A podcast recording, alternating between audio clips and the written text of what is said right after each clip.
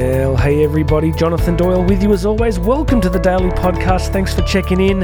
Hope you're doing well. Please make sure you're subscribed. Hit that subscribe button wherever you're listening to your podcasts. So many options these days. I was trying to explain to my son all the places you could listen to a podcast. I think he's his eyes glazed over after a short period of time. So wherever you're listening, I'd love you to subscribe and if you could leave a comment and uh, and a ra- rating. That was a cross between ranking and rating. If you can leave a rating, that would be uh, really helpful. And also check out the show notes here. That's where I put uh, all the good stuff. You can get a free copy of my book, Bridging the Gap. Just uh, there's a link there in the description notes. You'll also find out how you can book me to come and speak live. Uh, lots of uh, speaking engagements coming up for me really looking forward just to uh, to being back on stage, meeting lots of great people, and having a chance just to share some encouragement on a regular basis with more and more people. So, friends, welcome aboard. We've been talking about a lot of different topics lately. It's uh, we have covered so many things, and we're going to press on today in our journey with the Roman emperor and Stoic philosopher Marcus Aurelius. Um, we're going to intersperse this journey in Stoic philosophy philosophy philosophy was that philopoly with uh, with lots of other things. So if there's other questions you have uh, topics in the whole space of personal develop- development and uh, personal growth that you have, feel free to email me direct, jonathan at jonathandoyle.co.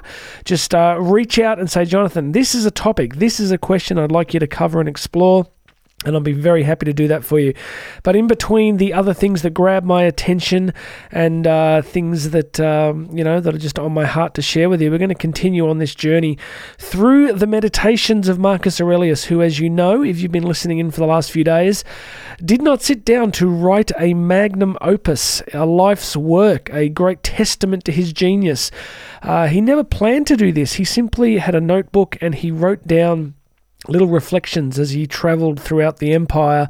And it's these reflections that have become known as the Meditations of Marcus Aurelius. So today we're in Book 2, paragraph 5. And what we're going to focus on today is the importance of doing what's right in front of you. I have been guilty, I think, many times in life of trying to be several miles further down the path, you know, sort of uh, wanting to be somewhere or have something accomplished and forgetting what's right in front of me. And it's you know it's funny how i think god the universe reinforces certain ideas that you need to hear at particular times. And definitely in the last few weeks i've been reading different things that have kind of coalesced around this similar idea of whatever's in front of you to do you need to execute that well. We often think that we, we need to get through something to get on to the next thing. And in a sort of such a busy culture that we live in, it's very understandable. But today we're going to hear from Marcus Aurelius about how we literally need to drill down and focus on what's right in front of us. You ready? Here we go. Book 2, paragraph 5. He says this Concentrate every minute on doing what's right in front of you with precise and genuine seriousness, tenderly, willingly, with justice, and on freeing yourself from all other distractions. Yes, you can. If you do everything as if it were the last thing you were doing in your life and stop being aimless, stop letting your emotions override what your mind tells you, stop being hypocritical, self centered, irritable. You see how few things you have to do to live a satisfying and reverent life. If you can manage this, that's all even the gods can ask of you. As always with Marcus Aurelius, my friend, so much in there, but I just love this simple reminder to focus on exactly what's in front of us, the work that we are doing today, the relationships that are in front of us today, the people, the circumstances that are in front of us today. I've spoken recently about the need to kind of do life in 24 hour blocks. It's very easy to, I guess, get hijacked and sucked into the future in our minds, hearts, and spirits due to all the different pressures and complexities of life. But one of the best ways to remove anxiety and stress from your life is to develop a sort of disposition where you go this is what i've got. I've got today. I have to execute today. I've got to bring the best i can today. And then from here there'll be other opportunities going forward. It's this constant need to be present to what's here and now. Think about where most of your anxiety is. Most of your anxiety is predicated on the sense that something is going to happen in the future that you will not be able to deal with that sort of disappears. Well, you know, do you think you can get through today? And m- maybe some of you listening have got a lot of stressful things happening today, but most of us can get through a 24 hour block. And then we just got to string another one together and then another one together. And we keep doing that for long enough, we start to build a different life.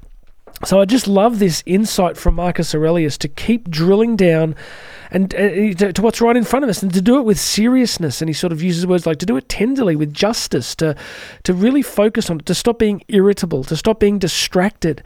It's uh, the more that I read this Stoic philosophy, the more I see this kind of. They, they, they kind of were focused on removing everything that wasn't important. You know, and I think they were obviously living in a time where life expectancy was very short, right? You probably had you know, usually I think eh, life expectancy was around about sort of 60 years, maybe, but a lot of people died very young. If you kind of made it through to your 20s, you kind of had a shot at your 60s. But most people inhabited a world where death was very real. And so being frivolous, I mean, people still you know, wasted their time and wasted their lives. But many people realized, especially the Stoics, that there was a way to live that would guarantee you the most balanced, calm, productive life of contribution and meaning. And they did it by stripping away all the other stuff. And I've been saying for days now, our, our, world at the moment is so full of other stuff, isn't it? It's so full of distractions. So here's what I want you to do I want you to take these ideas, I want you to start to file them away. And I want you to start putting into practice what you can. So, what are the basics? We've got to remove the distractions.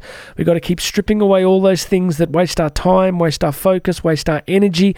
And we've got to start getting really good at identifying and executing on the things that actually matter. It's um it's easy to say, it's harder to do, isn't it? I just find myself now so constantly aware of this, just so constantly aware of trying to stay focused on the stuff that really matters. Yes, I make time for fun and all sorts of other craziness, but in general, I uh, I really do try and strip away and be really, you know, effective with my time. So that's our message from Marcus Aurelius today. It's a simple message for me, and finally a shorter episode. But my friends, we need to focus on what's right in front of us. What's in front of you today?